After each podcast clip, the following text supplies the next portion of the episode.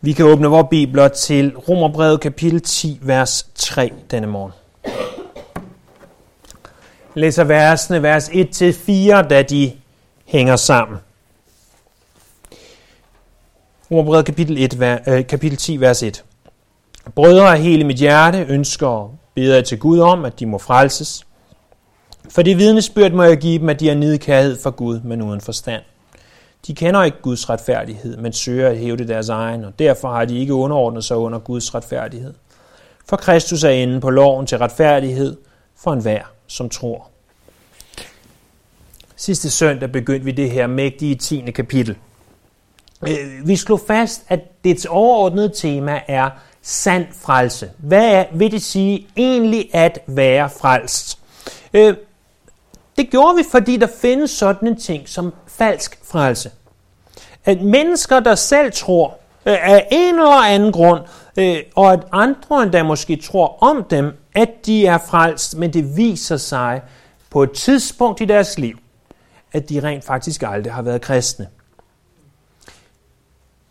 Derfor tænker jeg, at hver og en af os sidder tilbage med spørgsmål. Jamen, lovede kapitel 8 os ikke, at vi kan være sikre i vores frelse. At vi kan have frelses vidshed. At, at, vi kan vide, at hvis vi virkelig er frelst, så mister vi aldrig den frelse. Jo, det lovede kapitel 8 os. Men jeg vil gerne stå her i dag for at understrege, at der alene er frelsesvidshed, fordi der i sandhed er frelst. Spørgsmålet rejser sig derfor for hver en af os. Hvordan kan jeg i sandhed vide, hvorvidt jeg egentlig er frelst? Og det er det spørgsmål, som Paulus forsøger at besvare her i det 10. kapitel. Øh, det første led i svaret på det spørgsmål er naturligvis kapitel 9. Det er, at du frelser ikke dig selv, det er Gud, der frelser dig. At frelse er ikke noget, mennesket oparbejder. Det er ikke noget, mennesket gør. Det er noget, Gud han gør. Det, det er det ultimative svar. Men det andet led i svaret på det spørgsmål, er jeg virkelig frelst, er at finde i kapitel 10. Vi læser i Bibelen om mennesker som Judas, øh, som jeg tænker ingen af os er forbigået, hvem han er, og at han ikke var frelst. Men vi læser også om mennesker som Demas i 2. Timotius kapitel 4, vers 10, hvor vi læser om, at han forlod. Og, og vi ser i 1. Johannes brev, at der var nogen, som lod som om, at de var en del af kirken, men Johannes skriver, at de har aldrig været en del af os. De drog ud, de har aldrig været en del af os, siger han. Så det er altså nødvendigt at slå fast, er jeg virkelig i sandhed frelst? Fordi vi skal ikke gå og have falsk frelsesvidshed. Det er det værst tænkelige, vi kan have. Tænk så at gå og tro, hvis vi tager et, et menneskeligt eksempel, at vi er, vores bil er forsikret. Vores bil er forsikret, vi kører rundt i den, og pludselig en dag sker uheldet, vi kører galt, blot for det viser sig, at vi er ikke forsikret. Det koster os en hel bil. Endnu værre er det, hvis vi går rundt og tror, at vi er kristne, og vi har det evige liv i vente, men det viser sig, at vi rent faktisk ikke er kristne og har den evige fortabelse i vente.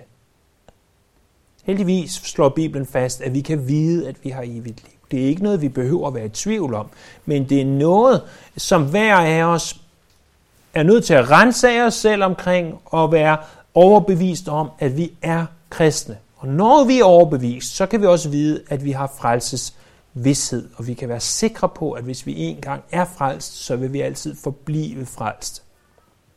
Øh, det er ikke nødvendigvis, fordi den her prædiken er mere rettet mod jer, end imod nogen andre. Hver af os bør sikre os i, i de her forskellige tests, som Bibelen giver os, at vi er kristne. Men øh, det her er lige så meget til, at vi kan bruge det i vores øh, i det vi vidner til andre, for andre, så at at vi gør dem klart, hvad det vil sige egentlig at være en kristen. Sidste gang, da vi begyndte kapitel 10, og begyndte at tale om sand frelse, der slog vi fast, at i den, der er sand frelst, der er der øh, to ting til stede. Der er varme, og der er lys. Der er varme i form af en kærlighed til Jesus, Og der er lys i form af, at der er et minimum af basal basisviden, som hver af os må have. Jøderne, de havde varme. De havde det, som Bibelen her beskriver som nedkærhed. De brændte for Gud. De ville Gud mere end nogen andre. De fastede, de bad, de gav af deres øh, penge, de, de gjorde så mange ting, som til synladende var rigtige, men de havde den varme uden at have lys. De havde den uden forstand, står der. Og, og hvad var det så, at de ikke forstod? Hvad var det? Hvor var det, at de havde øh, misset det? Hvor var det, at de var gået galt i byen? Hvor var det, at de var kørt forkert og taget det forkerte, øh, den forkerte vej? Jamen det var, som der gørs klart her i vers 3, som vi ser på i dag. De kender ikke Guds retfærdighed. I stedet for søger de hæve deres egen, og derfor har de ikke underordnet sig under Guds retfærdighed. Så det vi skal se sammen på i dag er, at i sand frelse indgår retfærdiggørelse. Sand frelse er ved retfærdiggørelse. Det er det, vi ser på i dag. For det første, hvad vil det sige at kende Guds retfærdighed? Som sagt, så er det altså der, hvor jøderne de går galt i byen, om du vil. Men vi må først og fremmest stille os selv spørgsmålet, hvad er retfærdighed? Hvad vil det sige, at noget er retfærdigt? Det spørgsmål har vi allerede stillet og besvaret tilbage i kapitel 3, vers 21 og frem, i, i rimelig dyb detaljegrad. Så hvis du vil have den detaljerede version, så gå tilbage og lyt til, til undervisning fra vers 3, kapitel 3, vers 21 og frem. Men, men opsummeret, så er retfærdighed, at du lever op til en bestemt standard. Og i det her tilfælde altså Guds standard. Lad os nu sige, det kunne være en køreprøve eller noget i den stil, men lad os sige, at, at du tager en, en teoretisk køreprøve, og der er 25 spørgsmål, og du må have tre fejl i øh, ud af de spørgsmål. Hvis du så har 21 rigtige, øh, så er du i testens øjne ikke retfærdig. Derimod i testens øjne, hvis du har 22 rigtige, så er du retfærdig. Du lever op til standard. Udfordringen er bare, at i Guds bog gives der ikke mulighed for fejl. Der er det 25 ud af 25.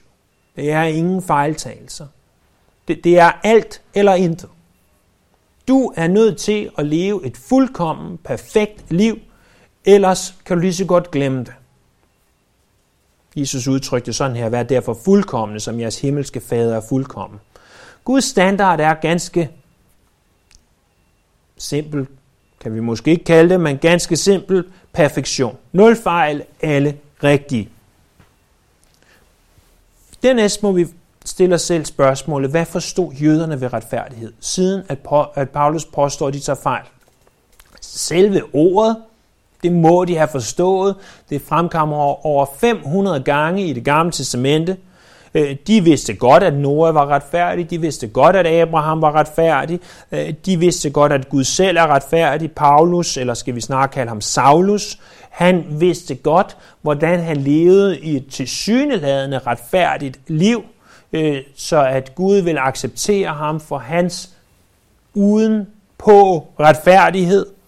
Øh, Filipperne 3 beskriver, hvordan at han så sig selv som bedre end nogen andre. Han var den bedste hebræer, han var den bedste farisæer, han var den bedste Benjamit, han var den bedste til alting. Han gjorde mere end nogen andre.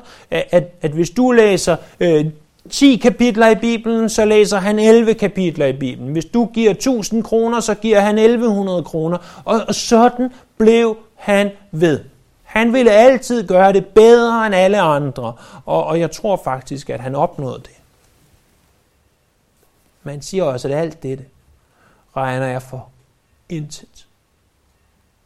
I sammenligning med det langt, langt større at kende Jesus Kristus. Jøderne, de var besat af den her nedkærhed. De var besat af at leve retfærdige liv. Og de var besat af deres egne regler. Men, men det, som jøderne ikke forstod, og som jeg håber, at du er begyndt at forstå efter vores gennemgang af Romerbrevet, det er, at der eksisterer to slags retfærdighed. To slags. Der er ikke bare den retfærdighed, som Paulus han troede, han havde. Øh, Boyce, han, øh, James Montgomery Boyce, øh, han illustrerer sådan her de her to forskellige slags retfærdighed med en fiktiv historie, som jeg endda har tilladt mig at omskrive en smule, øh, for at den passer lidt bedre i vores kontekst end i hans kontekst. Forestil dig et fængsel. Øhm, og, og for alt hvad vi ved, så foregår der i sådan et fængsel en del handel internt. Problemet er bare, at man i et fængsel øh, mest af alt, som i de gode gamle dage, kan lave byttehandler, man har ikke rigtig noget ellers at handle med. Så at øh, og jeg tænker, at de ting, man handler med, det er en af ting, som, som vi normalt ikke beskæftiger os så meget med. Men, men du siger, øh, hvis, jeg får, øh, hvis jeg giver dig 10 cigaretter, så kan jeg få lov til at låne din hovedpude i en uge. Eller hvis du får et telefonopkald, så øh, giver jeg dig øh, halvdelen af min mad den næste måned, eller hvordan de gør det. Jeg har heldigvis aldrig været i fængsel og ved ikke, hvordan det foregår andet end for fjernsynet. Det er ikke alt, hvad man ser i fjernsynet, man skal stole på. Men det er sådan, jeg forestiller mig. For illustrationens skyld, så, så bare bær med mig et øjeblik. Forestil dig så, at der er en, der i gave i fængslet øh, får et matadorspil. Så siger han, jeg har en idé. Vi render her og handler og bytter indbyrdes. Det er hammerne besværligt. Skal vi ikke tage alle de her penge, der er i matadorspillet? Jeg ved ikke, hvad der er par hundredtusind, eller hvad der er, i sådan en matador, dansk matadorspil i hvert fald. Ikke? Og, og vi siger, nu er vi er 10 fanger, vi deler det lige lidt ud, vi får, lad os sige, der var 200.000, vi starter med 20.000 hver, vi er det socialistiske fængsel, alle skal have det samme. Og så går de ellers i gang. Og så siger de så, nu behøver jeg ikke bytte ting mere, nu kan jeg tage af mine 20.000, og så kan jeg sige, hvor meget skal du have for dine 10 cigaretter? Jamen, jeg skal have 2.000 matadorpenge for mine 10 cigaretter. Og så giver han ham 10 cigaretter øh, og 2.000 matadorpenge den ene vej. Og, og sådan handler de. Og men det måtte have været et socialistisk fængsel, så er der i alle socialistiske sammenhænge altid minimum en kapitalist, der sørger for at skrave en masse penge til sig selv. Og en, der er bare bedre til at handle siger, at jeg har, der er ikke så mange cigaretter tilbage, nu er prisen gået op til 3.000. Og på den måde, så er der en af de her fanger, han får altså skravet en masse af de her matadorpenge til sig, og, og sidder måske med 150.000 den dag, han bliver løsladt. Fængslet har gjort noget ved hans forstand, så han går glad ned i banken, hvor man i øvrigt ikke tager kontanter mere, men det er en anden historie, og, øh, og lægger sine 150.000 matadorpenge på skranken og siger, goddag fru bankdame, jeg kunne godt tænke mig at sætte dem her ind i banken. Hvorefter hun glor sig på ham og tilkalder vagten.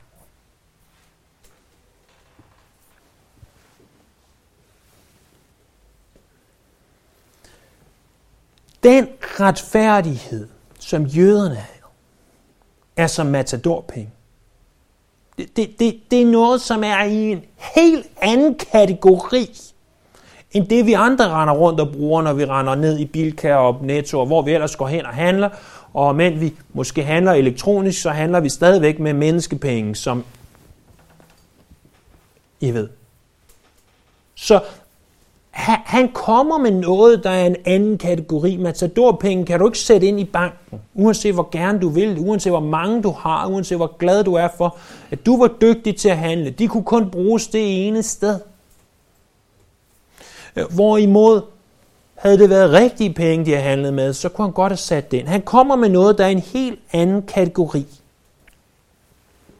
Og det, som Jesus gør det klart i bjergprædiken er, at den retfærdighed, som vi er nødt til at have, den er af en helt anden kategori end den retfærdighed, som jøderne troede, de var nødt til at have. De troede, de var nødt til at gøre en masse ting for at blive gode nok til at leve op til Guds standard. Men problemet var bare, at vi bliver aldrig gode nok til at leve op til Guds standard. Den ægte vare, det er ikke den, der kommer indefra. Vi kunne sammenligne den med fængslet i vores lille illustration her. Den ægte vare, det er den, der kommer udefra. Vi kunne i den her sammenhæng sammenligne det med Nationalbanken. Den ægte vare er det, der kommer udefra. I, i vort tilfælde, der er det ikke den retfærdighed, som Gud kræver fængslet. Men det er den retfærdighed, som Gud giver Nationalbanken, om du vil. Der er altså to slags retfærdighed. Den ene er en retfærdighed, som Gud kræver. Han siger, I er nødt til at leve op til alt det her. Prøv, prøv I lige aldrig at bryde et ægteskab. Prøv I lige aldrig at gøre det. Prøv I lige aldrig at gøre det. Prøv I lige. Og så er I nødt til at indse, at det kan vi ikke. Og så er I nødt til at stå der som nøgne tigger med åbne hænder og sige, Gud, jeg kan jo ikke leve op til dine standarder. Og så giver han os retfærdighed. Det er den retfærdighed, som de ikke forstod. De troede kun, der var matador-penge retfærdigheden, altså deres egen opdigtede retfærdighed, og der hvor de siger, hvis jeg gør det her, hvis jeg gør mig god nok, hvis jeg gør mig lidt bedre, og i øvrigt er al religion så, at hvis bare du gør gode nok gerninger, så er du god nok. Og, og så kan guderne, eller guden, eller hvor mange de tror på, lide dig. Men, men, men det er ikke sådan, det fungerer. Retfærdighed, og den retfærdighed, som jøderne ikke forstod, var, der findes en anden slags retfærdighed. Den rigtige retfærdighed. Ikke den retfærdighed, som du kommer med, men den retfærdighed, som Gud giver dig. Det er det, vi så tilbage i kapitel 1, vers 17. Den sande frelse søger at kende Guds retfærdighed. Hvis, hvis du besidder sand frelse, så må du kende til Guds måde at retfærdiggøre på. At det er Gud, der retfærdiggør, det er ikke dig, der retfærdiggør dig selv. Det er altså ikke dig, der gør, at du lever op til dine 25 ud af 25 rigtige. Det, det er ikke noget med, at du skal kunne huske det græske ord for retfærdiggørelse, dikaiosune. Det, det, det ikke det vigtige. Det vigtige er ikke, at du ved, hvor mange gange ordet retfærdighed eller retfærdiggørelse fremgår, kommer i det nye testamente, eller nødvendigvis citerer Luthers øh, udmærket fremragende citater om retfærdiggørelse. Det er ikke det, det handler om. Det, det du er nødt til at forstå om retfærdiggørelse, og der hvor der er en minimums af forståelse, det er, at Guds standard er perfektion det er, at det er ikke noget, for det andet noget, du kan gøre selv. For det tredje, at det er noget, Gud må gøre for dig. Og for det fjerde, at du må tro på, at det er sandt. Jeg må gentage. Det, du skal forstå, det er, at Guds standard er perfektion. For det andet, det er ikke noget, du kan gøre i dig selv. For det tredje, det er noget en anden, altså Gud må gøre for dig. Og for det, tredje, for det fjerde, du må tro på, at det er sandt. Du må med andre ord, som jeg tænker hver af os ved, forstå, at vores frelse ikke er ved gerninger, men ved det, som Jesus har gjort. Den anden del af det her, det er vores andet punkt, det er, at vi må modtage hans retfærdighed. Jøderne, de kendte ikke til Guds retfærdighed, eller skal vi ikke sige til Guds måde at retfærdiggøre på. De gjorde det stik modsatte. På en gang at slå op i Lukas kapitel 18, vers 9. Lukas kapitel 18, vers 9. Her er en ganske, ganske kendt lignelse.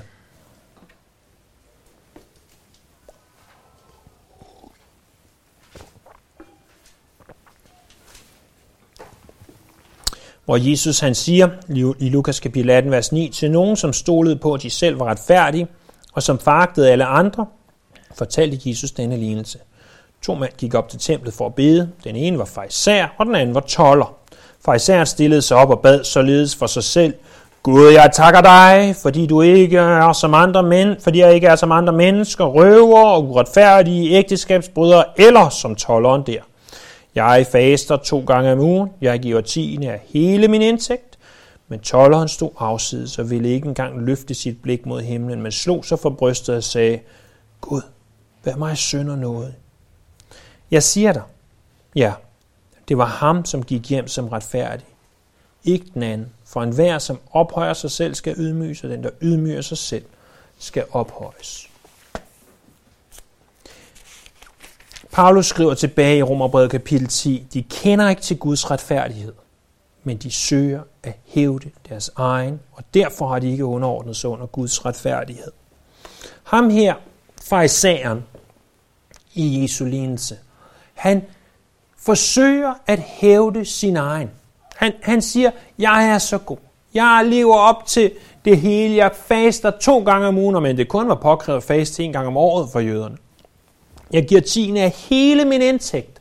Jeg øh, er ikke ægteskabsbryder, jeg er ikke toller, jeg er ikke og så videre. Jeg er, jeg er, jeg er. Han er totalt selvfokuseret. Han gjorde langt mere, end hvad han egentlig følte, der var krævet. Tolleren derimod vidste godt, at han var en sønder. På spol 1500 år frem i tiden, altså til år 1500 efter, vor, efter, efter Jesu fødsel,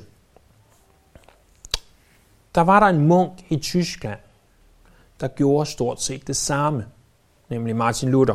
Han var 21 år gammel, øh, jurastuderende, kommer gående øh, øh, hjem en aften og, og bliver næsten ramt af lynet.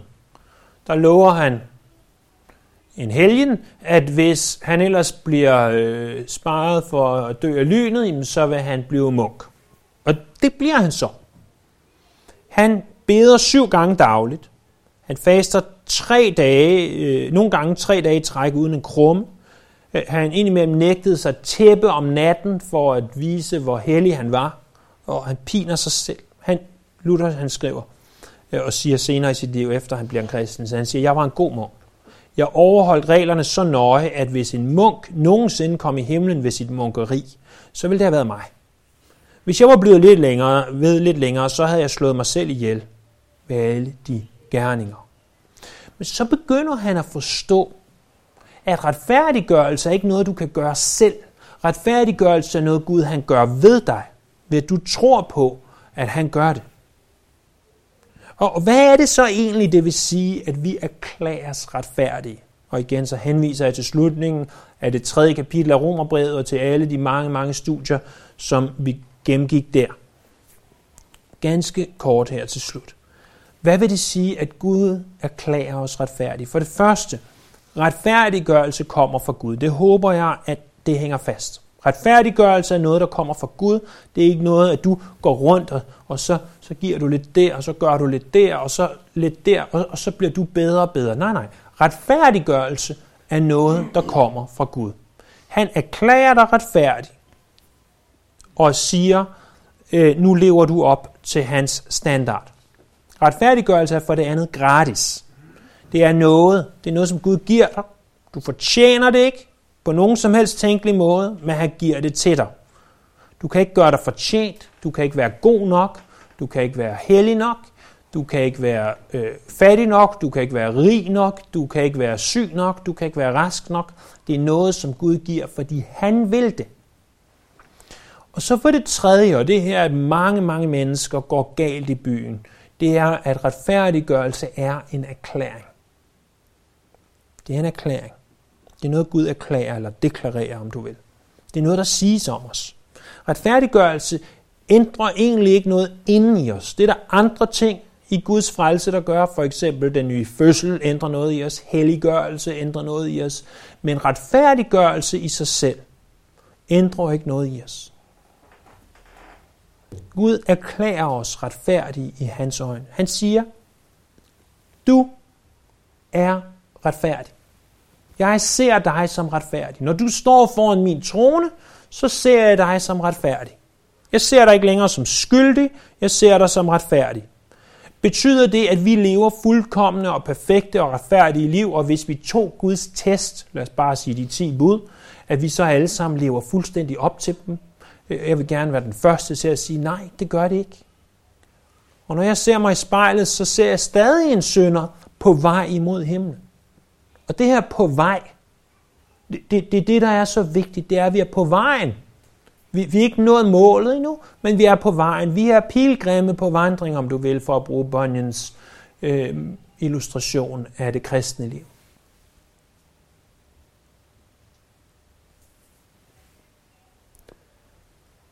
Så Gud siger om dig, du er retfærdig.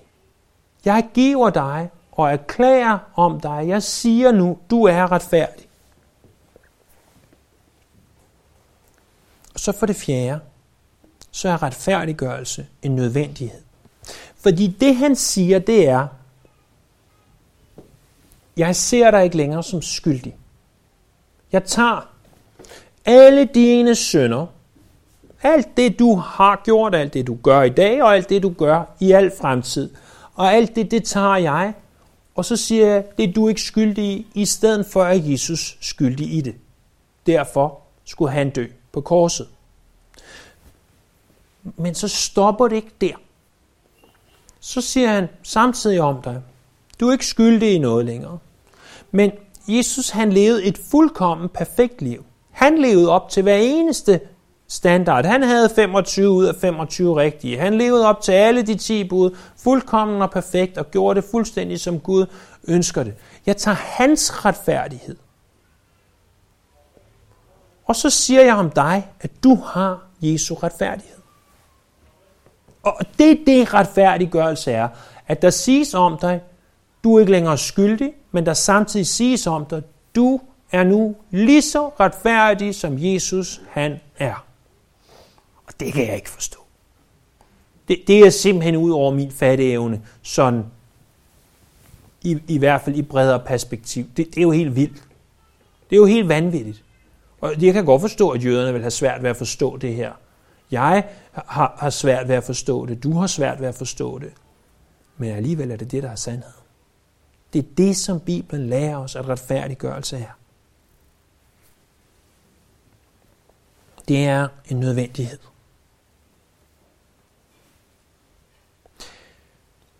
Som konklusion vil jeg egentlig godt henvende mig til nogle forskellige grupper af mennesker. Det er ikke sikkert, at der er nogle af de grupper af mennesker til stede her i dag, men hvem ved, hvem der kommer til at høre det her i fremtiden.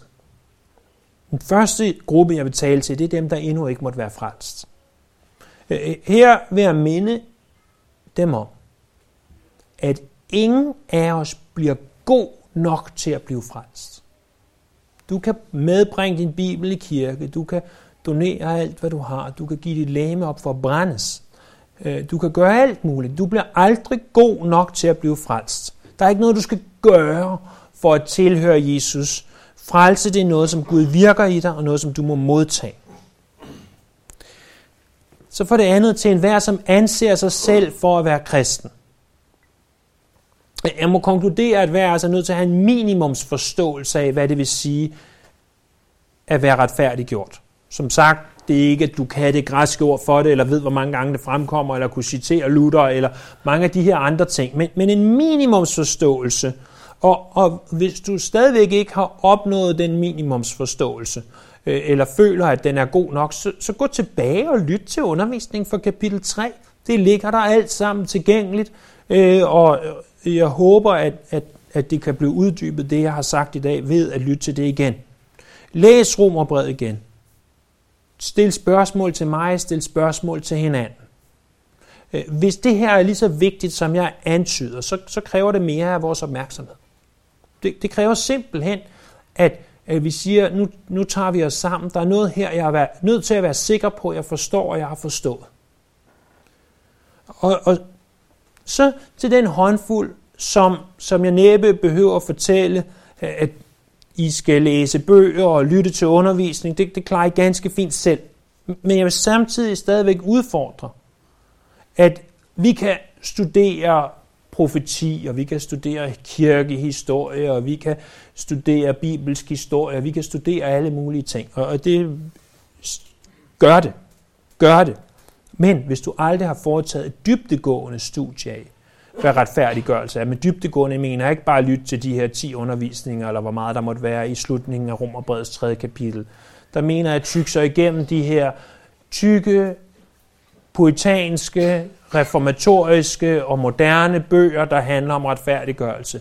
Brug din tid på det. Det er tid bedre brugt, end at lære om, hvad rækkefølge endetiden skal foregå i. Øh, eller lære om, om andre ting. Vi er nødt til hvis vi vil være øh, mænd, der står fast på Guds ord, og som skal forkynde Guds ord, og sætte os ind i det her. Det nytter ikke noget at sige, at ah, retfærdiggørelse, det er noget med. Du er nødt til, hvis du vil inkludere dig selv i den gruppe, der siger, jeg ved, at Gud har givet mig en gave til at studere og udlægge Guds ord. Brug ekstra meget kraft på det her. Og så til os alle. Til alle, uanset hvem du er. tænk sig, at Jesus er trådt i stedet for mig. Og at alt det forfærdelige, jeg nogensinde har gjort og nogensinde vil gøre, at det har han taget på sig. Jeg ved godt, de også sidder sikkert lige nu og hører om det inde ved siden af i børnekirken. Men det gør det ikke mindre sandt. Det gør det ikke mindre vidunderligt. Og tænk sig, at alt det gode, han nogensinde gjorde, at det tilregnes os, det siger Gud om os, at det har du gjort. Du får taget, som, som et billede er, dine snavsede klæder af og får iklædt dig en hvid, øh, helt frisk, lige så hvid, som du kan forestille dig, klædning, Jesu Kristi retfærdighed. Så nu, når Gud ser på dig, når faderen ser på dig, så ser han ikke længere dig, så ser han Jesu Kristi retfærdighed. Sand frelse er, at vi er retfærdiggjort. Det er ikke, at vi beder til helgerne. Det er ikke, at vi snitter os selv for at piske os selv for et eller andet. Sand frelse er, at Gud retfærdiggør os. Sand frelse er, at dine synder er kastet på Jesus, og Jesu retfærdighed tilregnes dig. Det er sand frelse. Ikke mere, ikke mindre og ikke andet. Lad os bede. Her, jeg ved godt, at meget af det her er egentlig ikke nyt for de, der sidder her. Jeg har behov for at blive mindet om det jævnligt. For, fordi som jeg sagde tidligere, så er det så stort, så jeg faktisk ikke helt kan få mine arme omkring det. Så, så min ubetydelige lille forstand ikke kan forstå det. Så gør det større for os her. Gør vores forstand større, så vi forstår mere af det. Giv os åndelig forståelse, så vi forstår, hvad det er, du har gjort. Det, som jøderne de ikke forstår. Det, det er det, vi ønsker her. Og det er til din ære, og det er til din pris. Amen.